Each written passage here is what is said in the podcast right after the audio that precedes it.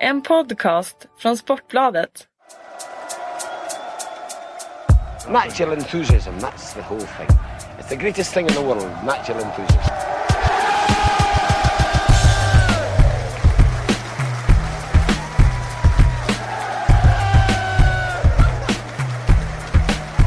Hej halloj!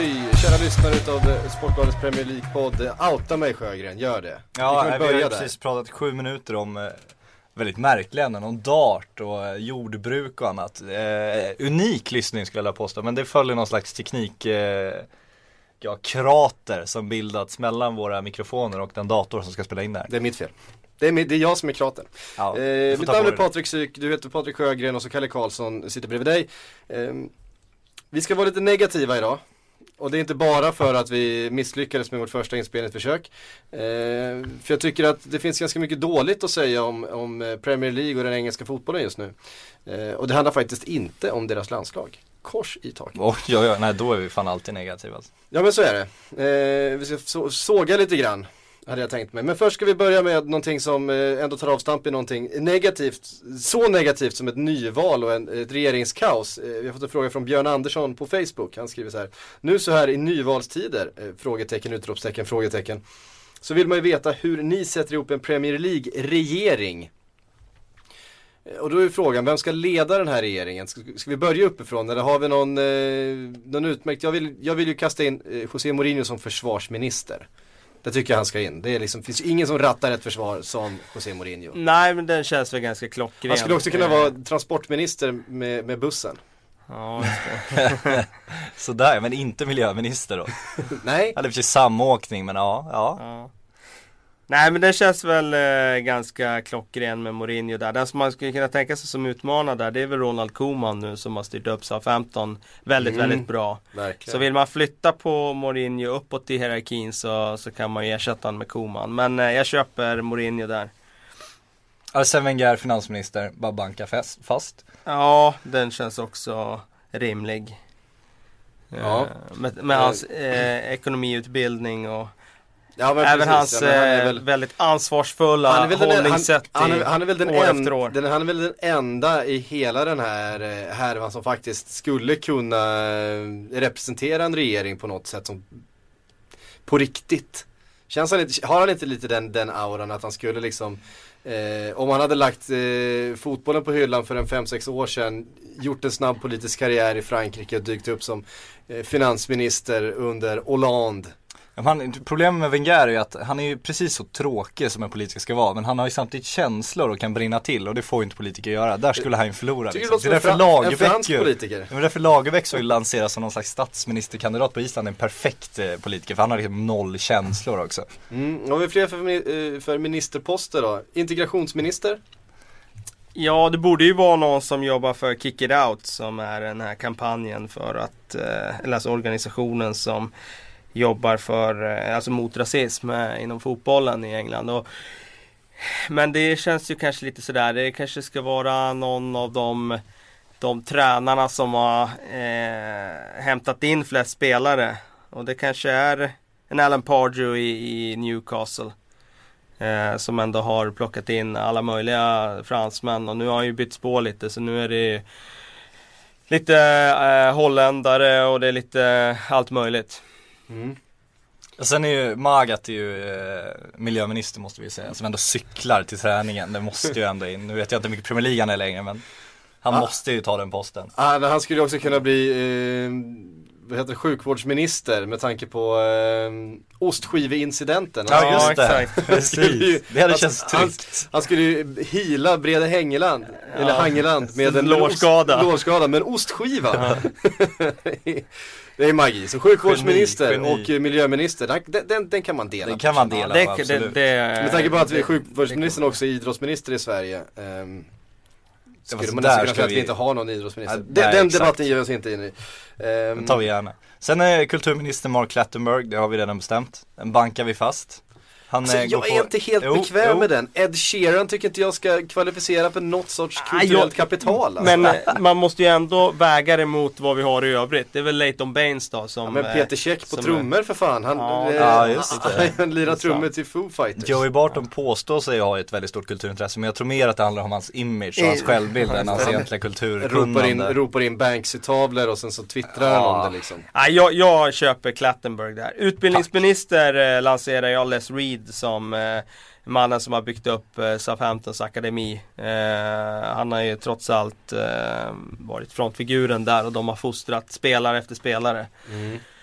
Så han känns i allra högsta grad kvalificerad för en sån roll. Och nu kom jag precis på vem som är utrikesminister. Det är David Moyes.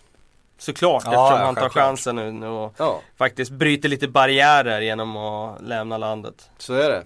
Ska vi, bara, ska, vi, ska vi lämna regeringsbildning där och säga någonting om David Moyes medan vi fick en naturlig brygga här? Eller hade vi någon som, eh, eh, som vi har glömt, jordbruksminister? Ja, det är väl just det.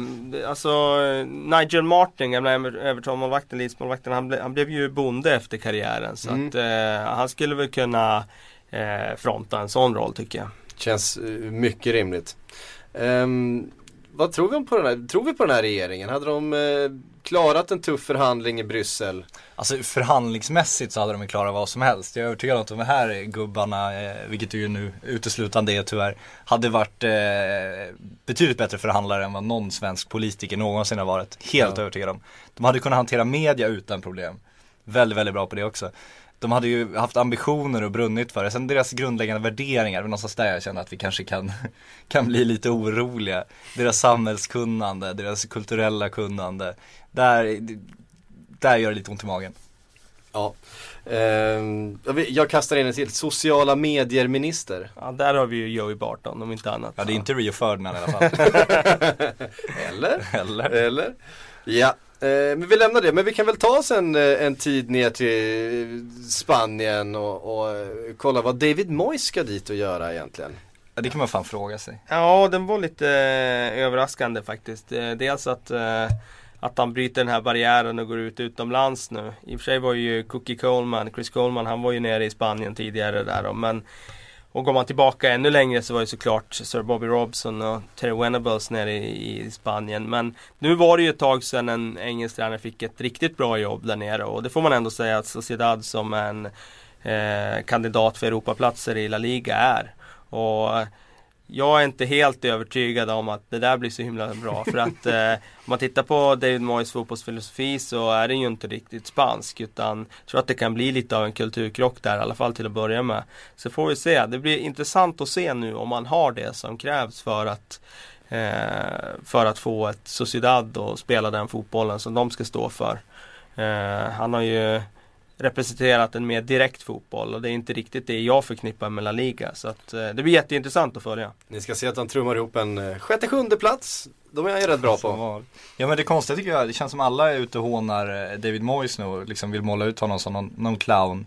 Och, men han är ju, alltså om man tittar, innan United var han ju väldigt, väldigt hyllad, väldigt, väldigt bra tränare. Så så konstigt är det ju inte att han får ett bra jobb. Sen är det ju konstigt att han får ett bra jobb i Spanien tycker jag. För att liksom han har ju inga meriter från spansk fotboll direkt som du säger. Vad vet han egentligen om La Liga? Och sen komma in i mitt, mitt i säsongen. Det är inte så att han, det känns som de eh, inleder någon ny långsiktig era tillsammans med honom här. Jättekonstigt val av dem också. 18 månader långt kontrakt. Eh, vilket läste jag innebär att hans kontrakt med Sociedad går ut eh, före hans kontrakt med Manchester United skulle ha gått ut. Eh, vilket är intressant. Ja det är väl glädje för United där förmodligen. De lär ju slippa en del av hans lön nu i alla fall. Mm.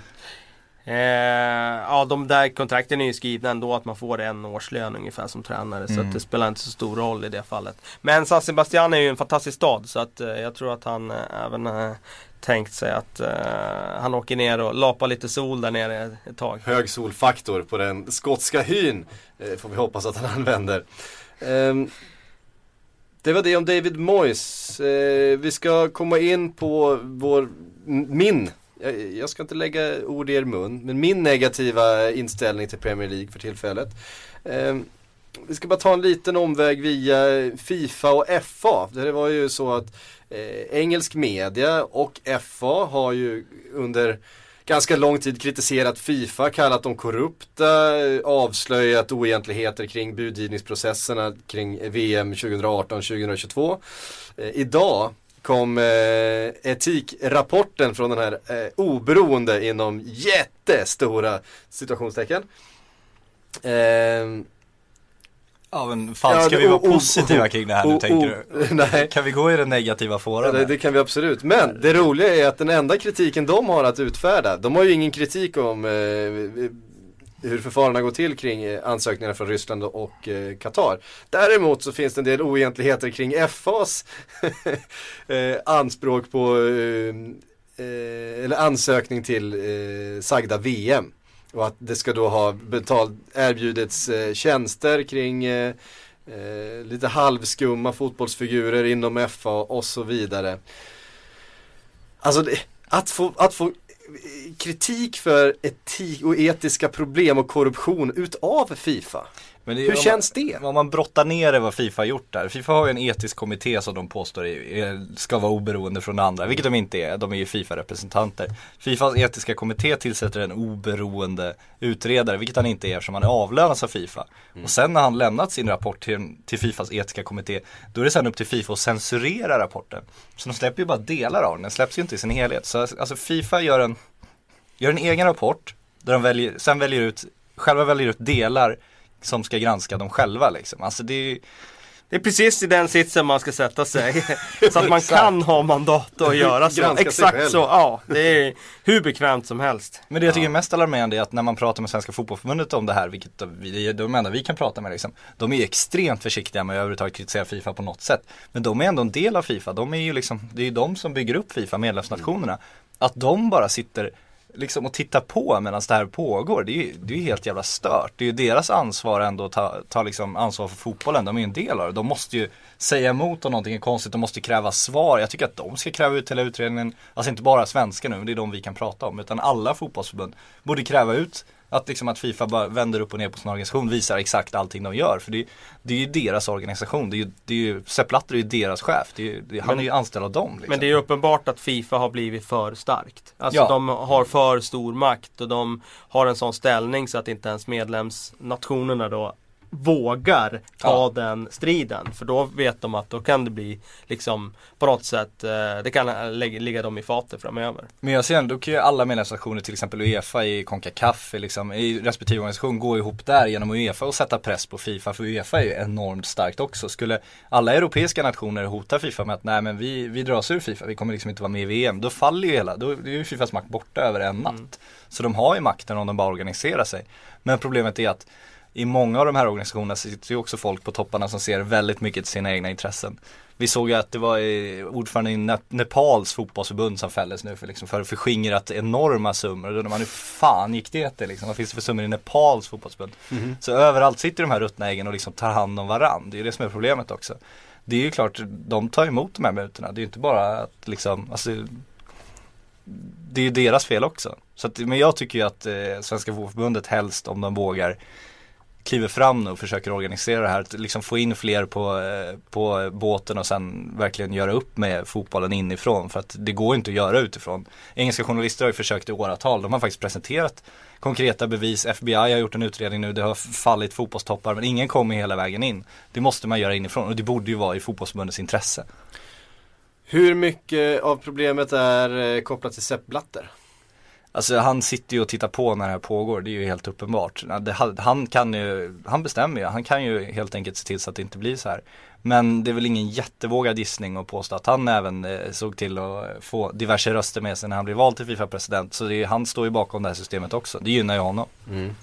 Eh, Lennart Johansson har ju varit ganska kritisk mot Sepp Blatter i, under åren.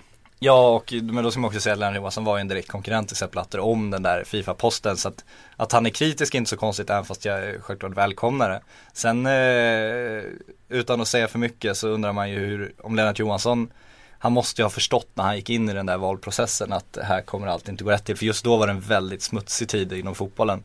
Så då kan man ju ifrågasätta också liksom, varför inte han gjorde någonting då eller om han också var med på spelet, det vet man ju inte. Nej. Eh, men bara den, den att eh, Sepp Blatter sitter bred, bredvid Vladimir Putin Ja, under sommarens VM-final. Den tycker jag är härlig. och till det där mästerskap till Ryssland och Qatar och kan ju inte på något sätt påstå, det går ju inte med, med logisk sans att påstå att Qatar var det bästa alternativet för att hålla en fotbollsturnering när de inte ens kan hålla den när VM ska vara för att det är för varmt i landet. Alltså det är klart de har köpt sitt mästerskap, det fattar ju vem som helst. Det är klart, de kan inte ha suttit och tänkt, ja men Qatar, det här är, det här är den bästa kandidaturen, det här kommer bli det bästa mästerskapet. Ändå blir de valda, nu granskar Fifa den urvalsprocessen och säger, nej, inget var fel. Ja men grattis. Vi lämnar Fifa där, för vi blir alldeles för negativa. Skulle vi vara ju. Ja, men riktigt, riktigt så negativa kanske vi inte ska vara. Vi, vi vänder oss till, till tabellen tycker jag. Eh, därför att det jag har lagt märke till den senaste tiden eh, är att det verkar inte vara någon som verkligen vill. Det, det går ju troll i precis allting. Jag, jag hävdar att det är fyra lag. Fyra lag som så här långt är, är nöjda med eh, sin säsong. Eh, Chelsea, Southampton, West Ham och Swansea. Resten är missnöjda. Säger ni emot mig? Nej, jag säger nog inte emot dig där. Eh, det går väl att argumentera i och för sig för att det ganska ofta, trots allt, är så här. För att eh, de flesta eh, fans under en säsong tror jag blir besvikna för att de drömmer om, det är många som kan drömma om den där platsen uppåt på en övre halva. Men det är ju ändå cementerat topp 7 egentligen vilka som hamnar där och så då är det tre platser över på 8, 9, 10 som, som då 13 lag ska slåss över, om. Och, eh, men det är klart att det, man, det på, som är, på, det på som är, halvan så... Det som är uppenbart med den här säsongen är ju det att det är så många topplag som har underpresterat. Och där eh, finns det absolut en poäng i att det bara är Chelsea som kan vara nöjda med den här säsongsinledningen. City ligger trea men eh, de eh, siktar, ju på, efter. siktar ju på att verkligen slåss om titeln och försvara titeln och nu är de åtta poäng efter. Liverpool har inte levererat överhuvudtaget. Manchester United känns oerhört svajigt. Arsenal känns oerhört svajigt. Har gett Och upp Tot- titeln. Tottenham eh, känns inte heller eh, så som vi hade hoppats på nu under ny tränare och så. Så att eh, Nej, och Everton det är samma sak där. Det har inte heller kunnat byggt vidare än så länge på fjolårets framgång. Nej. Eh, vad beror det här på då? Vi, jag tycker vi, vi tar lagen, för de lagen som har gått bra, de har vi ändå pratat ganska mycket om, kanske med undantaget av Swansea. Eh, vi nämnde dem förra veckan, eh, pratat lite om Gylfi och så vidare eh, den säsongen. Men vi, vi tar det uppifrån då. Manchester City, vad är det som går fel? Det, det såg ju väldigt bra ut eh, inledningsvis, men nu? Man får, man är i stort sett utslagen ur, ur Champions League. Eh, man kan knappt, man får kriga sig till ett nästan orättvist kryss mot QPR. Alltså laget som är näst jumbo. Jag tycker det är alarmerande hur dålig bredd de uppenbarligen har. Alltså de är otroligt beroende av, förra året såg vi Yahya Touré. Han är underpresterat ett år och sen nu när CSKA slog City så sa ju Potts Wernbloom att eh, de i det ryska laget redan pratat innan om att nu när David Silva är borta så är det inte alls samma City. De, de saknar egentligen hot tyckte han.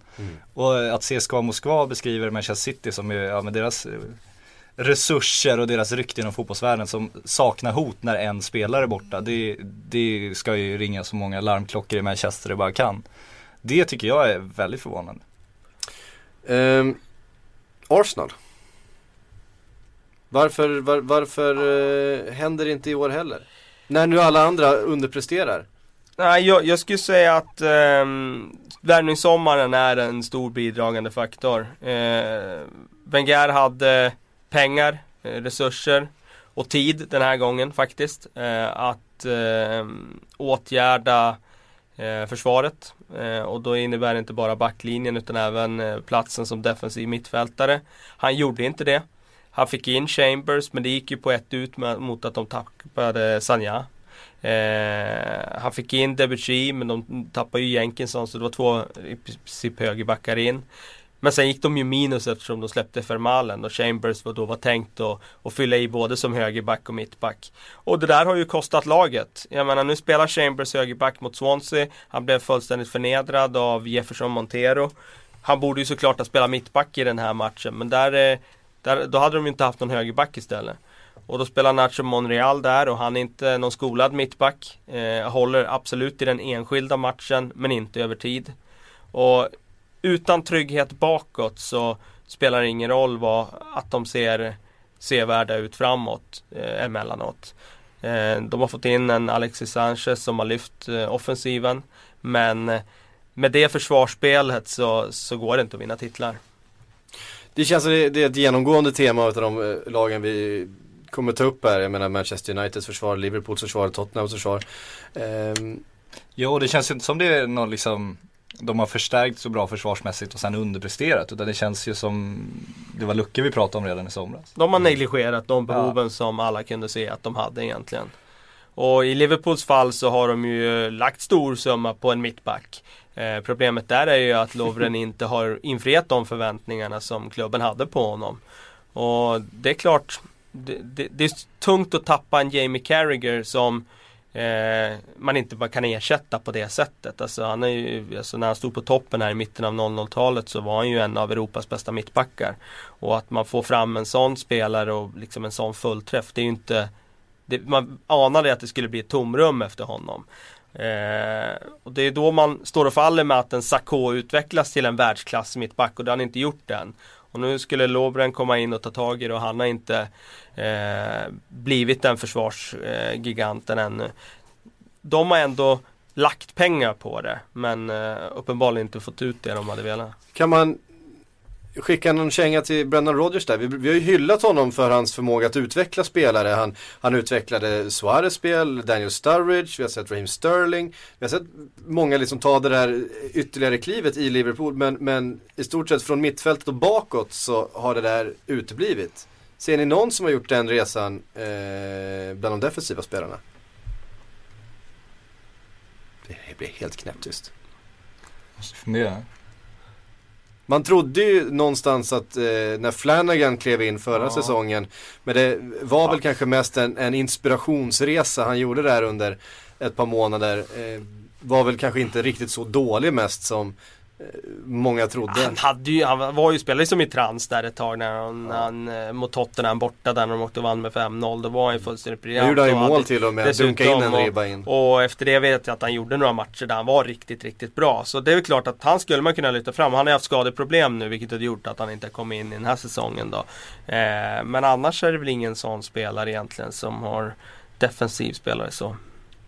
För jag menar det har värvats Coates, det har värvats liksom Sako, Lovren. Det är liksom Ilori, inte... det- Mankio. Eh, så, så. Eh, det är klart att vissa av de här kommer ju få mer tid på sig. Men det är klart att det finns ett frågetecken. Det frågetecknet som finns kring Brendan Rodgers det är ju framförallt kring hans värvningar. För nu har vi ju lite empiri att gå på. Jag menar nu har jag ändå varit där i eh, ett par säsonger och jag Mm. menar Ja nu, nu börjar det bli två och ett halvt år snart liksom. Då, då kan vi börja eh, ha ett underlag för att ändå bedöma vad han har presterat på värvningsmarknaden och hittills är det inte tillräckligt bra. Nej, så är det. Ehm, det var Liverpool. Några poäng över är Manchester United som har lagt otroliga pengar den här sommaren. Men eh, egentligen bara på ena halvan utav, utav planen. Eh, där kan vi verkligen prata om ett eh, tunt försvar. Det var, Ja. det var discogymman vi jämfört med. Tycker den eh, funkar fortfarande. Kör bara överkropp.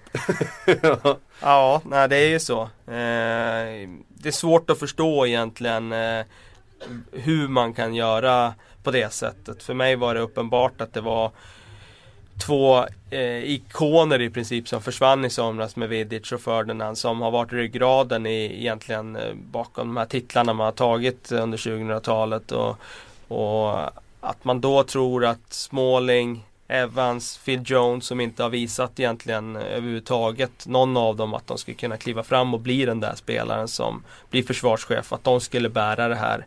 Det, det var förvånande för mig. Och sen att Rojo då värvades Absolut, men han var ju kanske inte en eh, försvarsgigant för en fyrbackslinje utan snarare kanske en vänster mittback i en trebackslinje. Och det är också eh, lite förvånande att, att man värvade specialistspelare till ett system som man sen skrotade efter några omgångar. Mm. Ja, det är inte så att han liksom har, haft två mittbackar heller. Som, alltså att han hade ett jätteförtroende för liksom Evans och Phil Jones och tänkte lira in dem och ge dem chansen. Uppenbarligen inte. Så han har väl haft lika många mittbackspar som han har haft omgångar i stort sett nu. Så att det, han, han har ju uppenbarligen Ja, McNair, men McNair måste jag ändå liksom dra en lans för. Så han tycker jag har sett eh, lovande ut och med hans ålder så det kan ju säkert bli en bra Premier League-spelare av det. Eh, sen om man blir försvarschef i United eller inte, det får man ju det, det, det vet man ju inte. Vi har ju sett liksom. Michael Carrick Men- ta klivet ner också. Ja, det och, tror jag ju på och, på sikt, Och, gö- och göra det faktiskt helt okej. Ja, det tror jag ju på på sikt. Han har ju en fantastisk passningsfot och Mm. de får ju helt andra uppspel när han kliver ner. Så att jag tror absolut Mycket med den den rutinen som situationen. man tycker fattas, även fast de spelar med liksom man tycker rutinerat som Chris Smalling och, och Jones och så vidare så känner man ändå en annan trygghet när, när det är en Michael Carrick som står där. Han, jag vet inte, det bara känns liksom som att han läser spelet lite, de är väl lite tidigare. Och, och, De har ju varit med länge men de är inte rutinerade att vara försvarschefen liksom. Det är ju ändå en viss skillnad. Det är en sak att spela en, en andra fiol och komma in ibland och ha någon som du ändå kan luta dig emot. Nu är det ju de som ska stå där när det blåser och det är ju en helt annan grej. Det har ju ändå Carrick gjort på mittfältet så att han kanske har den rollen lite mer vant också. Så tror jag att om Carrick får spela in sig på den positionen. Jag menar han har ju testat mittback lite då när det har varit kris tidigare säsonger och så blev han uppkäkad av Fellaini i ett möte på Goodison Park för ett par år sedan här. Men får han spela in sig nu på en position eh, som mittback så tror jag att han eh, kan eh, göra ett par säsonger som en kompetent mittback faktiskt. Ja. Ehm, det var Manchester United, för offensiven finns inte mycket att klaga på där. Där Ja, det kanske finns en- det ju också i och för sig. Jag tycker spelet hackar betänkligt där också. Sen tycker jag att de räddades i några omgångar av att Angel Di Maria var fullständigt briljant och på egen hand skapade chanser från eh, situationer som inte var några chanser. Men nu har ju Di Maria visat sämre form i i alla fall en tre veckors tid och det har ju verkligen synts nu att när han inte är sådär magiskt bra Ja men då har de ju inget synkroniserat För- för- anfallsspel överhuvudtaget. Ett tag så tyckte jag det påminde lite om hur Suarez var för Liverpool när egentligen ingenting stämde men han kunde ändå gräva loss en boll från en, från en ytterback och, och, och göra 1-0 liksom. Men det är det du har de spelarna till ju, när det krånglar. Det är ju, alltså, Argentina gick ju en bit i VM där tidigt på att de hade en Messi som kunde göra det. Det är ju så i alla sådana lag liksom. Och då, eh, samma med City har vi uppenbarligen sett nu när Silva liksom ändå har löst mycket på egen hand. Det man märker är ju när de försvinner då, när det blir lite dippar, det är då du, du måste ha det där laget att stå bakom. Och det är klart United inte har det än, det kan man ju också förstå med tanke på att de gjorde om så mycket offensivt. Eh, och värva så mycket nytt, det kan ju vara svårt att få ihop det på 11 omgångar. Ja, och samtidigt, jag menar, du har ju andra klubbar som har värvat väldigt mycket nytt som sa 15 och där Mm. fungerar det. Så att det, de har ändå en situation nu där de inte har några Europamatcher. De har veckorna fria och kan träna in saker. Så att jag tycker nog att nu börjar han få tillräckligt mycket tid för att åtminstone sätta anfallsspelet. Sen förstår jag att försvarsspelet kanske inte fungerar prickfritt när han har den skadesituationen som han har. Men att anfallsspelet skulle vara bättre än vad det varit hittills med de spelarna han har tillgå. Det, det hade jag nog räknat med. Ja det kan jag hålla med. Sen kan man ju försvara skadesituation i försvar för all del. Men om man hade haft alla friska så ser det ju inte ut som ett eh, Premier League vinnande försvar ändå. Nej, det gör det ju absolut inte. Det är ju ingen eh, backlinje likt Chelsea där man, där man inte kan identifiera några svagheter. Nej. Utan det är ju spelare som har sina skavanker lite här och där. Eh, Medan vi är inne, på backlinjer, den, Chelseas backlinje just nu då med Terry Cahill, Aspilicueta och eh, Ivanovic. Det är en av de bästa backfyrorna Ja, det som, vi, ju som, vi, som vi har sett sett. överhuvudtaget i Premier League. Definitivt. Alltså, man kan eh, man kan jämföra den med Arsenal, tycker jag. Mm. När de hade Laurent till höger, Sol Campbell, Martin Keown, Ashley Cole. Mm. Man kan jämföra den med Manchester United som hade Gary Neville, Rio Ferdinand, Nemanja Vidic, Patrice Evra. Mm. Eh, men det som är jämförelsen med dem, det är att som eh, Chelseas backlinje, den är så otroligt, eh, den kan kombinera både den här fysiken, Mm. luftspelet och alltså eh, försvarsspelet. Alltså de, de har inga svagheter någonstans. Alltså i andra backlinjer kan du hitta en Laurent som kanske hade lite problem med, ibland med eh, med positionsspelet eller alltså någonting så. En Evra som kanske släppte av i defensiven ibland. Eller en Neville som kanske var lite begränsad offensivt.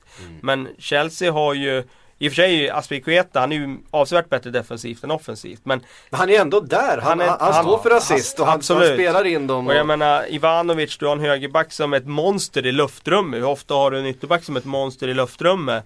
Dessutom är han eh, uppe och överlappar i varje anfall, Ja. gör mål och assist. Och sen är han, det är ingen som går förbi han heller. Alltså det finns inga svagheter alls. Men ändå är det någon slags hemmabygge känns det För Branislav känns ju, alltså om man tittar på typen av fotbollsspelare, han känns ju som en mittback liksom med tanke på sin styrka i luften, sin fysik Det är en otroligt bra mittback också, de Ja, ja, han spelar där. Ja. Men sen eh, Asipilicueta är ju också, han har ju fel fot för att vara vänsterback också. Även det är ju lite så här, men det är ingenting som märks. Så de har ju liksom fick, fått Det ihop inget, det, det är inget bygget större också. fel på den där vänsterfoten ändå, det får man säga. Nej fast han går ju ändå hellre med höger om man ser dribblingen sist också. Han går ju hellre på insidan och går inåt. Så att, alltså det är ju inte så att de har liksom värvat fyra spelare och så att de, så som är så perfekta för någon slags fyrbackslinje. Utan har ändå byggt ihop det med de eventuella skavanker som skulle kunna finnas där så har de ändå Mm. Det enda som är då med en sån backlinje då, det är möjligen då, det är ju att du kan bara spela ett lågt försvarsspel med dem. Och det passar ju för sig då med Mourinho som vill spela ett lågt försvarsspel. Men skulle du sätta den backlinjen i, i ett lag, liksom i Barcelona som ska spela med en hög backlinje, då skulle det sluta med katastrof. För att Cahill och Terry, när de blir utsatta för spel i djupled, då, då blir de ju avslöjade.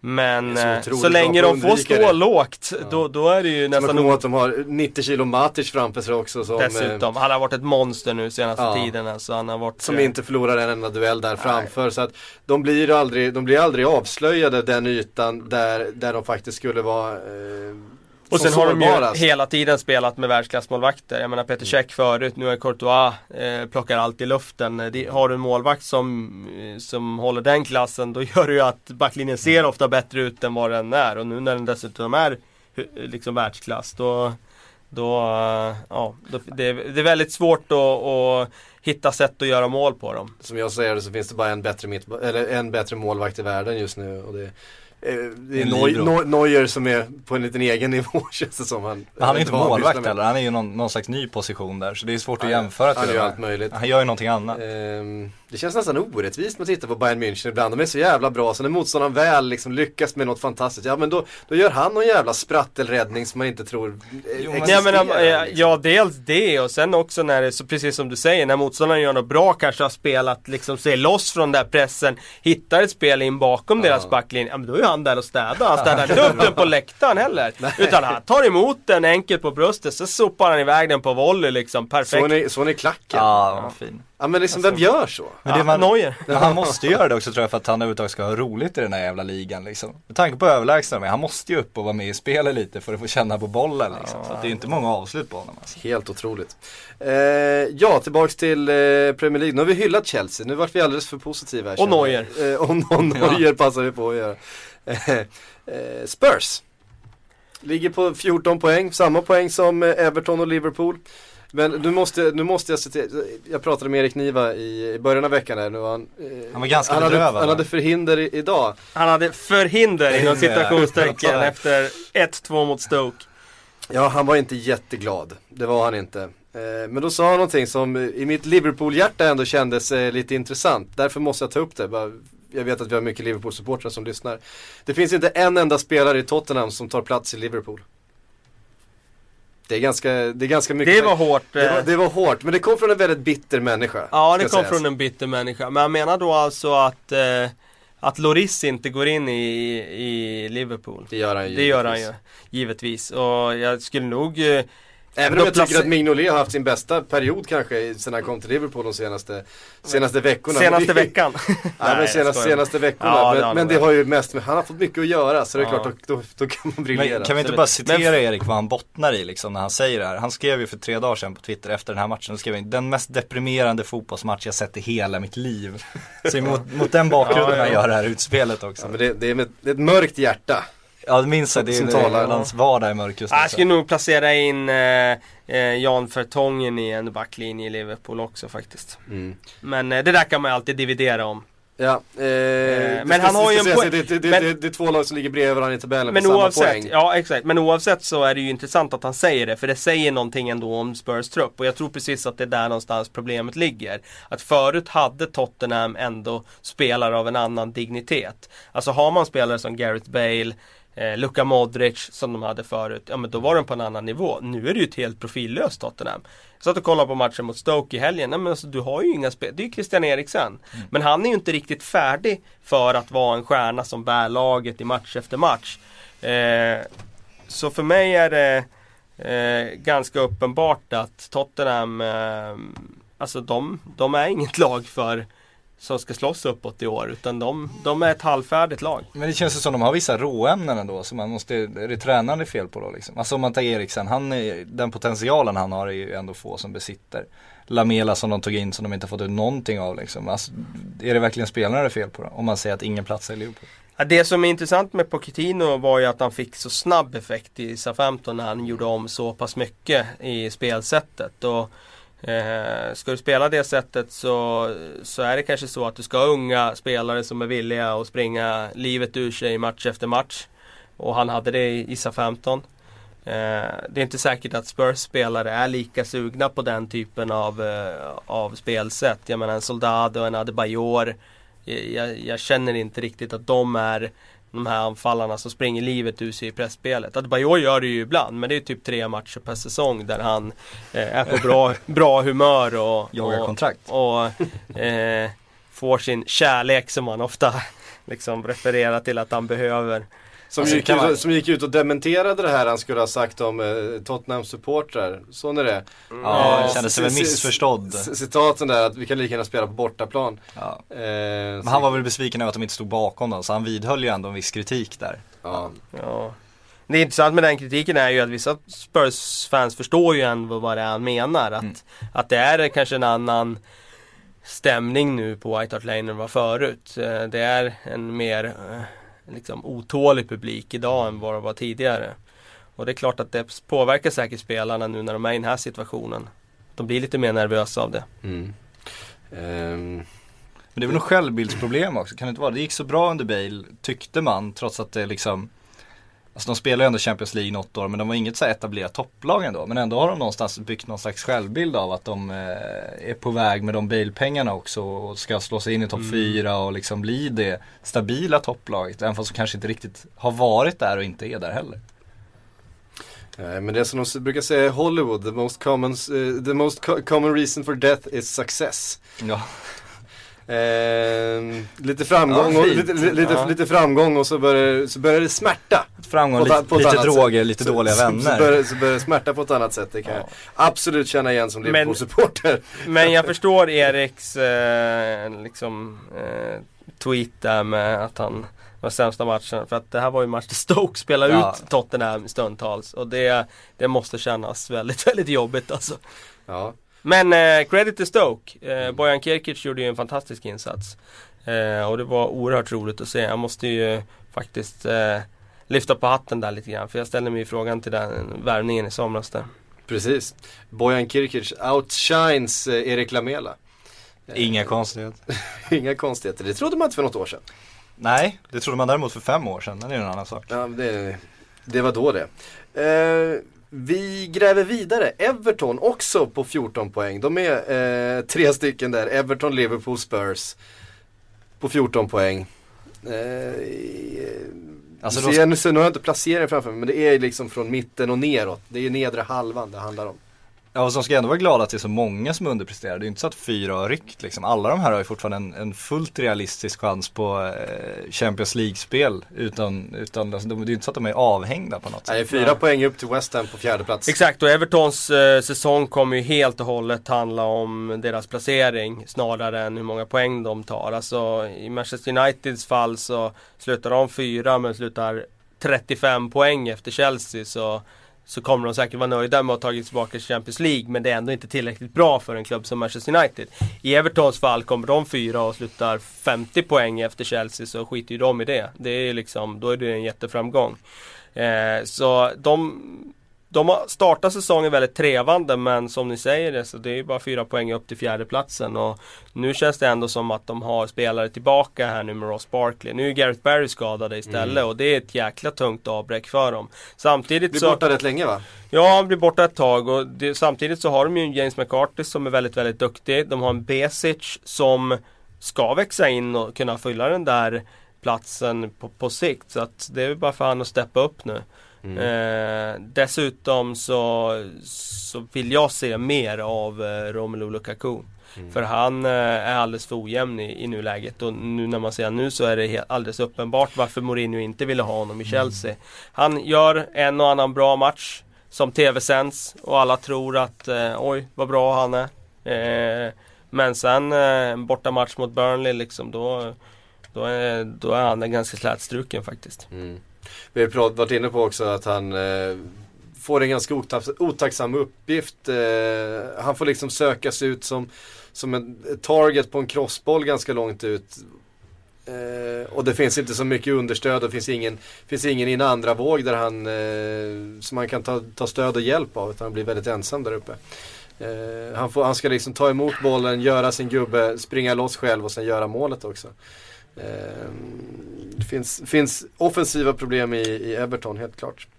Vi har några bubblare där som eh, började dåligt men som har ryckt upp sig. Jag tänker på Newcastle. Ja, Ryckt upp sig ja det får, får man verkligen säga. Så Men det- men- 0-4-4 var väl deras efter åtta Mm. omgångar, var det inte så?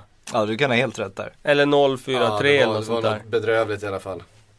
Ja det var ju tvärsist nästan. Men eh, Pardew tackar ju Mike Ashley för att han fick sitta kvar. Så nu sitter ju hela, hela staden Newcastle och är egentligen lite småförbannade över att de har lyft sig på ett sätt. För att de vill, såg en chans nu i alla fall bli av med en Imorgon, nästa vecka kommer han skriva ett nytt 12-årskontrakt med klubben. Exakt, om det räcker ens. Nej men det, det går ju som tåget nu, vad fan kan man säga? Nu är, nu är det svårt att ifrågasätta honom. Sen på sikt så tror jag ändå att de skulle må väldigt, väldigt bra av, eh, kanske inte göra sig av med Pardew, det är väl inte där problemet ligger, utan titta lite högre upp. Den gode Mike Ashley bör ha gjort sitt i den klubben sedan länge. Tyvärr är det ingen som vill möta hans prislapp trots att han faktiskt har varit villig att sälja klubben i 6-7 år. Men det är ju ingen som vill betala två Nej nu är det ju sagt att han ska vara kvar också till minst nästa vår. Så att nu är det ganska avlägset med ägarfrågan att det skulle bli något skifte där nu. Så att nu är det nog finnas i, i situationen som råder i ett och ett halvt år till minst. Men stänger man Alan Shearers pub precis bredvid St. James's då ska man fan ut alltså. Ja, bara för att, eh, Ja. för att, för att Shearer har, hade uttalat sig lite kritiskt också. Ja, skick, skicka honom. ja, ren politik. Men det är ju roligt det här med Pardew för att eh, det är få managers tror jag som eh, jag kan minnas i Premier League som har åkt som berg och dalbana i Alltså i resultat som han har gjort. Han har ändå suttit ganska länge nu på sin post. Alltså han är nummer två efter Wenger i Premier League på att ha suttit på sin post längst. Och, eh, alltså från att ha varit utskälld när han kom till att ändå klara sig då första Han var våren. rädda oönskad när han han var kom. oönskad när han kom. Och sen den säsongen som de gör när de ändå liksom slåss om fjärdeplatsen. Superpopulär då. Eh, och sen en tung säsong efter. Och sen, ja, Ja. liksom det, det Dunderhyllad efter sin franska revolutionen då när han Ja, när han lyfte dem där ja. del, När han liksom. lyfte, lyfte dem där ja, exakt. Och sen förra säsongen då, där det återigen då blev superhöst egentligen. Och de liksom uppe igen och hotar om fjärde plats. Och så släpper de Kabaj och sen katastrofvår på det. Och sen, Och sen är starten- avstängd då i Dessutom för att- 8-9 matcher efter Skallat. David Ja. Mailer liksom. Ja. Och sen eh, eh, den här säsongen då som börjar med liksom en kräftgång i starten liksom där alla är övertygade om att nu, nu måste han få gå. Jag var verkligen, jag kände bara nu nu kommer han verkligen få gå, nu Ja. finns det ingen återvändo. Men jag får ju också bita i det sura där alltså. Han har ju, han har ju menar, vänt på skutan på ett sätt som vittnar om att han är en fighter någonstans. Men han har ju inte tappat spelarna då, det är det som är så fascinerande. Vilket eh, ofta är, alltså, brukar gå rätt fort, det är nästan det första förtroendet som försvinner. Men han har ju hållit fast vid det även när de låg där tok jumbo, så det är ju imponerande. Mm. Så han kanske har något nytt på gång nu, en bra höst. Sen släpper de någon i vinter och så åker de ner igen. Så är det. Eh, vi får väl ändå säga att eh, jag tror Stoke känner sig helt eh, tillfreds med att ligga på övre halvan där. De är visserligen bara en poäng eh, framför den där trion med eh, Everton, Liverpool, Spurs. Eh, men eh, Stoke eh, ser ganska, ganska pigga ut. Vi såg ju som sagt eh, utrullningen utav eh, Tottenham i helgen. Alltså, de, de har ett intressant lag nu Stoke. Absolut. Men, eh, försvarsstarka har de alltid varit. Men kollar man på den offensiven de mönstrar nu i helgen med Bojan, Diouf, Victor Moses framåt. Då har de ju en annan typ av anfallsspelare än vad de har tidigare. Alltså de har fart, rörlighet, de har eh, tekniska spelare och det har de ju inte haft tidigare. Det har ju varit med John Walters, Peter Crouch, alltså långa bollar, jaga på andra bollar, låsa fast, eh, kriga om inkast och, och nicka liksom. Eh, nu är det en helt annan eh, alltså, identitet på det där anfallet. Och när de kombinerar det med en bra målvakt i Begovic, det där försvaret där Shawcross är eh, väldigt, väldigt stabil. Ny supermatch här mot, mot Tottenham. Eh, så då är, de, då är de väldigt, väldigt intressanta. Shawcross är fin. Han är fin Benknäckare. och eh, ja, han är en benknäckare han men det borde, ju. borde vara aktuell för landslaget. Hade säkert varit det om han hade varit något år yngre kanske. Ja. Ehm, nej men som sagt en, en, en benknäckare med lite, med lite klass. Har man några benpipor på sin meritlista i England så är inte det någon nackdel, det är det ju inte. Nej, verkligen inte. Det ska det inte vara. Ehm, Det ska det inte vara. vi, eh, vi river av ett par här. Ehm, West Bromwich, Sunderland, Hull ligger där strax bakom. Det är nedre halvan, det är ganska väntade insatser. Det är väl där eh, att, att Sunderland, de kommer få det tufft. Kände man, inte minst efter den där storförlusten mot eh, Southampton där, där allting eh, havererade verkligen. Leicester, QPR, Burnley i botten. Ja, det är de tre nykomlingarna Ja, och det Inga- känns ju tråkigt att det har blivit så. Men, men jag tror inte att det slutar så. Jag tror faktiskt att Pallas kan få jobbet den här säsongen. Ja, de har ju jobben, de är ju Ja. på samma poäng som Leicester. Eh, precis som för strecket där så att, eh, ja. Det blir väl ett getingbo som vanligt för att använda en sliten. Ja, den kommer väl eh, fördela upp sig den där tabellen så småningom också. Ja, absolut. Ja, det kommer vara många klubbar som är inblandade där. Mm. Så är det. Så är det, då har vi nämnt alla lag. Vi har varit ganska negativa, eller hur? Det var stora sågen känner jag inte att den har kommit. Nej, det är väl det där med topplagen som vi har Ja. sågat. Alltså de tilltänkta topplagen, de har vi all rätt att såga. De, om Chelsea skulle springa iväg nu här med Ja. ligan, då har vi ju alla anledning att vara väldigt Har de inte, besvikna. har de inte jag redan ändå- gjort det lite Jo, i princip. alltså? Känslan är ju att de har gjort det när de är så Southampton kommer ju stabila. inte hänga Nej, på det dem, kommer de Det inte är ju göra. City-hoppet står till. Jag Det är tycker de man kan vara mest besviken på också. Ja. För de hade, alltså de räknar man ju med skulle i alla fall hålla Och de har jämna ju steg trupp med Chelsea. som ska kunna göra det. Exakt, och de Och har sen haft har ju jag kontinuitet. och- liksom ändå känt att eh, Premier League eh, är eh, mer oviss än tidigare. Mm. Det är många lag som kan slåss om det. Det, det. det är i alla fall ingen Bundesliga där Bayern springer iväg. Men Så nu det. finns ju risken att det blir så. Och det skulle kännas väldigt tråkigt.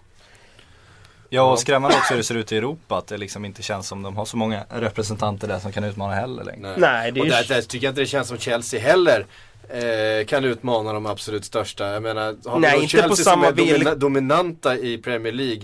Men de tillhör ju ändå inte de stora kanonerna på det sättet i, i Champions League. Inte på samma villkor, men när de har den managern de har, när de har det spelsättet de har och när de har den styrkan i defensiven så skulle inte jag räkna ut dem mot något motstånd alls faktiskt. För att åker de och parkerar bussen så vet man att det, det, det kan vara ett 0-0 på bortaplan och så kan de kriga till sig ett 1-0 hemma liksom. Ja. Mot vilket lag som helst, inklusive Bayern München. Så att, eh, nej, jag utesluter inte att de är framme i en semifinal i Champions League.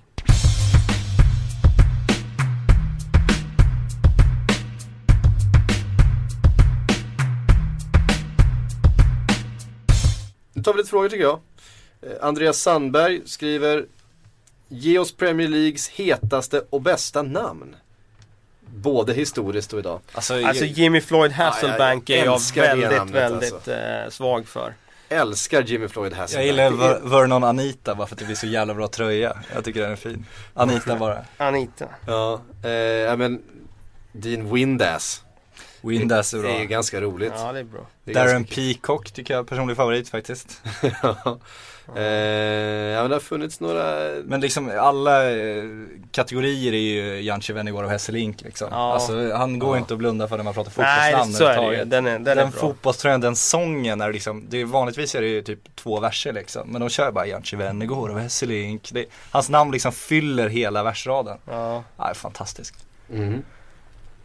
Ehm, nästa fråga. Johan Hellner undrar, vilken spelare i Premier League har mest swag? Åh, nu vill man ju försvinna till La Liga, man ska inte göra det. Men eh, fan, han är ju tillbaks nu va? Eh, vår kära mittfältare. Utlånad från Barcelona. Fan, nu tappar jag namnet. Alexson. Ja, exakt. Ja. Han har en ruggig swag ska jag säga. Alltså, bildgoogla honom med lite efter matchen dräkter så har du att göra ett tag kan jag meddela. Det är så? Ja, det, det, herregud. det ska vi göra, absolut. Jag, Check jag, him out. Jag, jag tycker Arteta har ganska mycket swag. Fast det, det Har är ju du för, det? för cementfrillan är ju inte swagig liksom. Den bara ligger där. Det händer är, ju inget. Det, är- det är inte ett hårstrå fel. Nej det är det inte. Nej. Han är dessutom en väldigt ödmjuk spelare man ju förstått av alla som står i mixade zonerna. Att han är en av Premier Leagues mest trevliga spelare faktiskt. Bara en sån sak. Bara en sån sak. Fast det är ju inte swag. Nej men det, nej jag bara nämnde Ja, det som absolut. bonusinfo. Jag liksom. känner ju att det är negativt om man ska prata swag, att man är trevlig. Swag ska man ju vara lite ar- arrogant känner jag.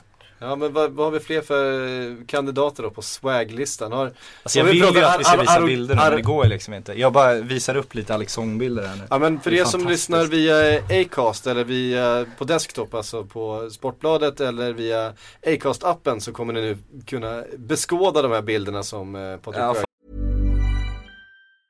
A lot can happen in three years, like a chatbot may be your new best friend. But what won't change? Needing health insurance. United Healthcare Tri Term Medical Plans, underwritten by Golden Rule Insurance Company, offer flexible, budget friendly coverage that lasts nearly three years in some states. Learn more at uh1.com. Jag tycker ni ska, annars är det bara bildgoogla Alex Song outfit så har ni bland annat en rosa kreation och sen ett par stövlar eh, i ett par slita jeans som är Michael Jackson bortom denna värld. Ja men det känns som han kvalificerar sig då. Ja, Jag, jag känner, han är min kandidat i de här. Balotelli? Han har väl lite swag? Ja fast han har ingen riktig Alltså nu säger jag inte att Alex Song klär sig bra, det tycker jag inte. Men jag tycker Balotelli, han, han klär sig ju knappt alls liksom. Alltså bara för att man drar på sig en eh, kamouflage-outfit och målar bilen likadant så blir det fan inte swagigt, det blir mer sorgligt. Ja. Eh, bra. Vi hittar mer på Facebook. Johannes Lundqvist. Om ni fick köpa och styra en Premier League-klubb, vilken skulle ni köpa och varför? Oj. Jag skulle köpa Newcastle direkt. Tveklöst. För att det finns, det finns ett sånt eh, fansunderlag eh, som gör att du skulle kunna bygga, och som så klassisk och de har ändå väldigt mycket sportare ute i världen. Så att du skulle kunna göra något väldigt, väldigt bra av dem. De har liksom allt som krävs i grunden tycker jag för att bygga vidare på. Ja, Kalle? Och det finns lite engelsk fansmentalitet kvar, det ska man fan inte underskatta. Ska man inte göra? Mm. Alltså eh, Om jag personligen skulle köpa en klubb så skulle jag ju köpa en klubb som eh, bygger på lämpliga värden som jag tycker ska råda. Det vill säga SA-15 som satsar väldigt hårt på sin ungdomsverksamhet. Eh, då skulle jag köpa den klubben och fortsätta satsa väldigt hårt på den ungdomsverksamheten. Men om jag skulle göra det utifrån perspektivet som andra ägare gör, att de ska tjäna pengar och sådär. Då skulle jag ju välja en klubb i, i London säkert. Med tanke på att det är där pengarna finns och det är det ekonomiska centrumet och det är där det finns ett publikunderlag och så vidare. Så då skulle jag nog göra det. Alltså, eh, Everton kan ju vara, alltså det är ju en slumrande storklubb med tanke på deras historia och sådär. Och bygger man en ny arena så finns det säkert Det går att dra Möjligheter. paralleller till Manchester City lite där. Ja, som, så precis. som Manchester City var före Precis. de fick nya ägare. Ja, så där, där finns det väl en potential kanske. Mm. Storstad, eh, mycket fans. Du ja. har ju shake-pengarna också för att, för att lyfta dem i cit- cityklass, det vet man ju. Ja, ja, ja. Inga, inga problem. Eh, så är det. Nej, men jag, jag är nog lite inne på Kalle också. Jag tror jag hade klivit på Crystal Palace. De har lite, lite egen identitet, ligger i London. Ehm, ja men det finns någonting där. Jag tror man hade kunnat sälja in Crystal Palace på nya marknader.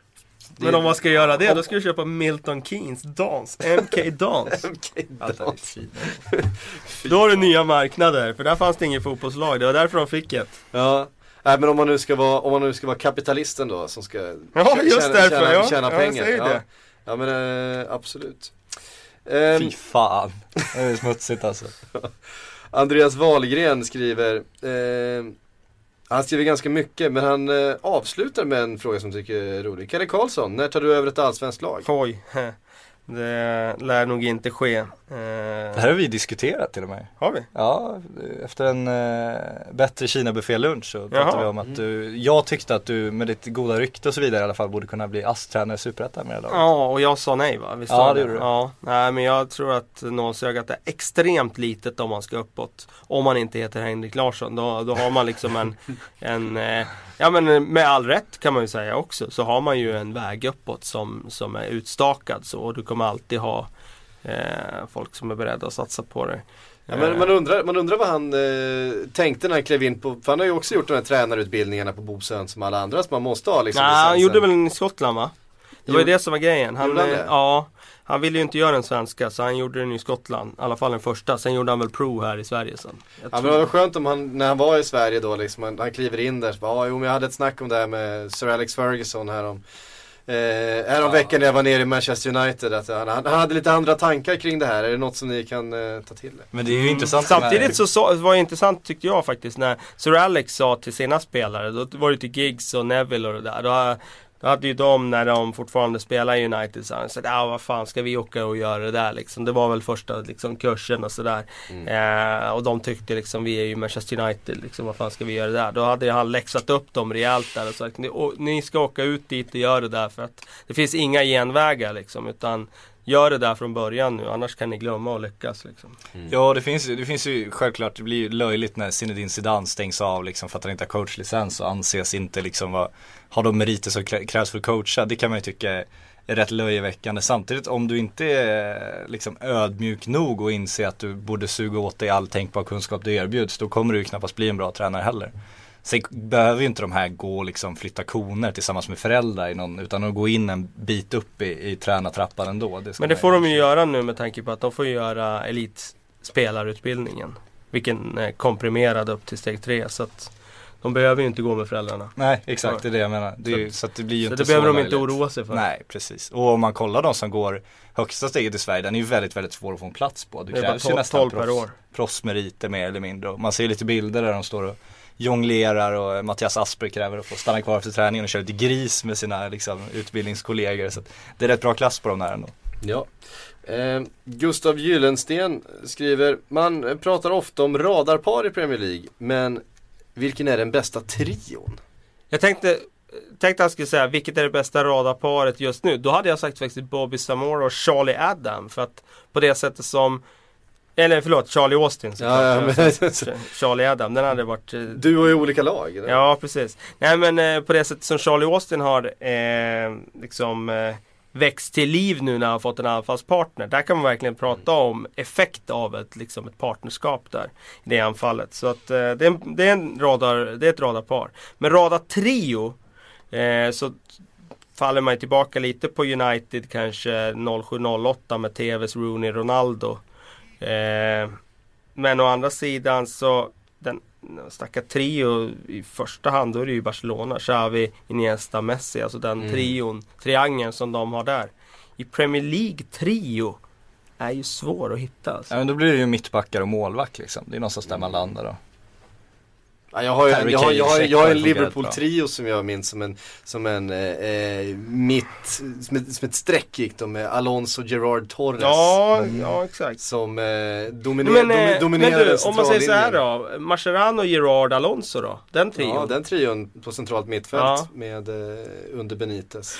Eh, Cole, York, Solskär, då är det sträcka hela vägen ut till bänken. Nu är liksom. väldigt, väldigt, eh, väldigt, eh, alltså färsk trio här. Men alltså den som Stoke hade nu i helgen. Det är ju någonstans en trio som det finns någonting där som kan byggas vidare på. Som det kan byggas vidare på. Alltså det är ju Bojan, Mohamed Diouf och, och Victor Moses. Så. Mm. Eh, ja.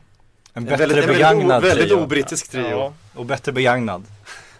Ja men det är, det är lite spelare som har eh, fått en andra chans här. Och sådana, sådana historier gillar man ju. Man gillar ju, man gillar ju de där killarna som eh, inte riktigt fick chansen i, i storlagen men som ändå har mycket att bevisa och har kvalitet i sig. Ja det finns ju en Det uppsjö jag, jag, är väldigt, jag är väldigt mjuk för den typen av eh, historier. Ja, jag håller, jag är mjuk för spelare som liksom, alltså jag tycker det finns för många som ger bort sin kvalitet på att vara inhoppare i ett eh, Manchester City eller Chelsea eller ett Barcelona eller ett Real Madrid. När de, bara för att de ska vinna lite titlar istället för att bli en ikon i en lite, lite sämre klubb där de skulle liksom vara den som styr hela spelet. Jag tycker att det borde locka mer än att vara någon slags breddspelare med absoluta toppklubbarna. Jag tycker också det finns en, en poäng med att man ofta glömmer bort och man pratar ju liksom mindre de killarna som är precis liksom ett litet steg bakom en Eden Hazard eller en David Silva men som ändå har väldigt mycket fotboll att erbjuda som kanske spelar i ett mittenlag istället för ett topplag. Eh, att man ganska, ganska ofta pratar så otroligt mycket, oproportionerligt mycket mindre om dem och de får mycket mindre uppskattning fastän det egentligen är väldigt, väldigt fina fotbollsspelare. Eh, som säkert hade gjort det väldigt bra eh, med chansen i en, i en sån miljö de också. Men det handlar ju ganska mycket om vart man att tajma det där med att få chansen och att eh, formen ska sitta och medspelarna Ja. ska funka. Och det är lätt när du lagt av karriären, det är lättare att visa dina tre Champions League-pokaler än att visa dina 400 matcher för samma klubb och ditt, ditt viktiga din viktiga position på planen så är det också. Absolut. Tyvärr. Eh, så är det. Eh, Rickard Segerfeldt är inne på lite av det som vi upplever just nu, nämligen det här med landslagsbreak. Eh, han undrar vilket lag tror ni gynnas mest av detta landslagsbreak? Något lag som behöver en nystart och kanske inte förlorar så många spelare. Eh, Likaså vilket lag som kommer lida mest av uppehållet. Ja, men alltså Liverpool behöver ju lite av en, eh, alltså en ny start så. De behöver få tillbaka Starridge. De behöver få uh, sitt maskineri att funka. Jag skulle säga Liverpool kommer tjäna på det. Uh, så. Uh, förlora på det. Ja, lag som har momentum. det vill säga Newcastle till exempel. Mm. hade säkert spelat ett par matcher till med det här flytet nu mm. bara på så. Swansea också. Eh, ja, det är svårt att säga. Newcastle har de många som eh, sticker iväg på landslagsuppdrag. Alla de här jävla lagen har ju det. Ja. Jag snackade med Pontus Jansson häromdagen. Han säger att Torino har liksom sju mittbackar som slåss om platserna. Sex av dem är landslagsmän i olika nationer. Så att det mm. alla de här topplagen spelar ju alltså, ja, eller alla. Och till och med Pontus nu för tiden. Absolut, ja, men det visar ju, det finns ju, de kryllar av landslagsmän de här från alla slags nationer. För spelar du i Premier League så är du ju i stort sett en landslagsman. Ja. Mm. Nej men så är det ju. Det är väl kanske sådana klubbar som Hall då som är lite mer profillösa. Där får en Hatten Ben Arfa som inte ens platsar i startelvan mm. där nu. De, han får vara kvar och träna nu under landslagsfotbollen. Och sådär. Och där, de har väl några engelsmän också. Curtis Davis och Tom Huddleston som kanske inte är aktuella för landslaget men som är kvar. Jake Livermore och sådär. Mm. Precis. Eh, Jonathan Stenbacka vill veta våra åsikter om Tottenhams Moussa Dembele, eller Dembele. Ja. Eh, kan inte riktigt få grepp om honom, grym fysik, bra tvåvägsspelare, varvar grymma insatser med dåliga. Kanske den bästa dribblen i hela Premier League. Skriver han. Och en bra passningsspelare men trots det så gör han nästan inga poäng. Kan ofta dra 3-4 spelare bara för att sedan passa bollen i sidled. Känns som att han med lite bättre spelförståelse skulle bli en ny Yahya Touré. Men att det tyvärr aldrig kommer hända. Ja, nej, Någon ny Yahya Touré blir han väl inte? Jag köper hans eh, bild där rakt av. Det var intressant där när, när han gick där från Fulham och Kasaniklis sa att eh, Moussa Dembele var kanske en av de absolut bästa spelarna i hela ligan. Och jag trodde faktiskt att han skulle kunna ta ny fart när han kom till Tottenham då för att han var väldigt, väldigt bra i Fulham. Han eh, var ju en gammal eh, anfallare som de först skolade om till tia. Och sen skolade de om han till att vara sittande mittfältare. Och eh, han har precis den förmågan som beskrivs där. Han har den där förmågan att, eh, att hålla i bollen. Problemet är att han kan ju dra sin gubbe men han går ändå inte förbi. Utan han behåller inte den farten då. Som en Yahya Touré kanske hade gjort. Utan han drar den där och sen, ska, sen tar han sig inte förbi den där spelaren eh, med tillräcklig fart för att han ska komma förbi. Utan han hamnar liksom i ett läge där han måste dra bort den spelaren igen. Och han, han håller ofta i bollen men han tar sig sällan framåt faktiskt. Så att eh, effektiviteten är för låg och han får ut alldeles för lite för sitt, av sitt spel. Han gör för få poäng. Och eh, tyvärr måste jag säga att det blir nog inte bättre än så här nu. Uh, nu har han, uh, han har fått ganska många säsonger. Ja, alltså nu har han ju fått uh, ett par säsonger i Tottenham och det har inte blivit bättre än så här så tyvärr. Jag är också så trött på folk som hyllas som bra dribblers när de liksom, de är bra på sulfinter och på lite stillastående grejer och kan liksom dra en kille men sen, sen som du säger tappa sin fart. De bästa dribblers är ju de som liksom får de två meter på sig så hinner de bygga upp så mycket fart så att de inte ens behöver göra en fint sen utan bara säga Peta, peta bollen förbi, peta bollen förbi hela tiden rätt ögonblick. Mm. Det är ju det enklaste sättet men också det svåraste fotbollsmomentet liksom. Det finns inget man blir mer frustrerad av än sådana här killar som dribblar sig rakt in i liksom tre stycken väntande backar så att de dribblar sig in i en situation som de omöjligt kan göra någonting vettigt av. Och sen stå tvärstill. Ja men, ja, men alltså, det tar ju tvärstå så blir de av med bollen. Ja, men kolla, om man kollar Cristiano Ronaldo för några år sedan när han älskar att liksom göra 400 000 överstegsfinter innan han gick förbi. Det har ju nästan slutat med. Nu är det liksom en enkel kroppsfint och förbi för att han vet att jag har bättre fysik och jag har bättre hastighet. Mm. Det är ju precis så du ska dribbla. Så tyvärr så ska väl de här eh, JJ och Kocha-dribblarna eh, inte hylla så mycket som de gör. Nej, jag kommer ihåg, jag följde ju Ronaldo väldigt noggrant då. För jag kommer ihåg då när han värvades till eh, Manchester United så eh, blev jag lite så fascinerad av just för att han, han det var ju en, en ny företeelse det där med att benen gick som trumpinnar och liksom man vispade runt och gjorde 20 överstegsfinter som, som du säger. Och jag kommer ihåg hur man själv liksom gick ner på träningen sen och försökte liksom göra detsamma liksom. Inte i matchspel så men liksom när man dribblar själv och sådär. Och eh, jag tyckte det var fascinerande då med att han ändå var en eh, han var en sån som testade gränser. Det gillar jag hos honom då. Han liksom, I varje match kunde man få se något som man aldrig hade sett förut. Och det, det gillar jag verkligen. Men det som var intressant som jag liksom noterat och analyserat efteråt är att under hans första år i United, vi kan ta de tre första säsongerna. Så gjorde han i princip överstegsfint varje gång han mm. kom mot mm. en back. Men antalet gånger det resulterade i ett mål det var så extremt få gånger. Han gjorde det hemma mot Tottenham en gång. Eh, han gjorde det hemma mot Aston Villa en gång och borta mot Tottenham drog han en spelare och spelade in och så blev det mål. Men det är liksom jag kan räkna det på en hand de gångerna som hans överstegsfinter ledde till ett mål.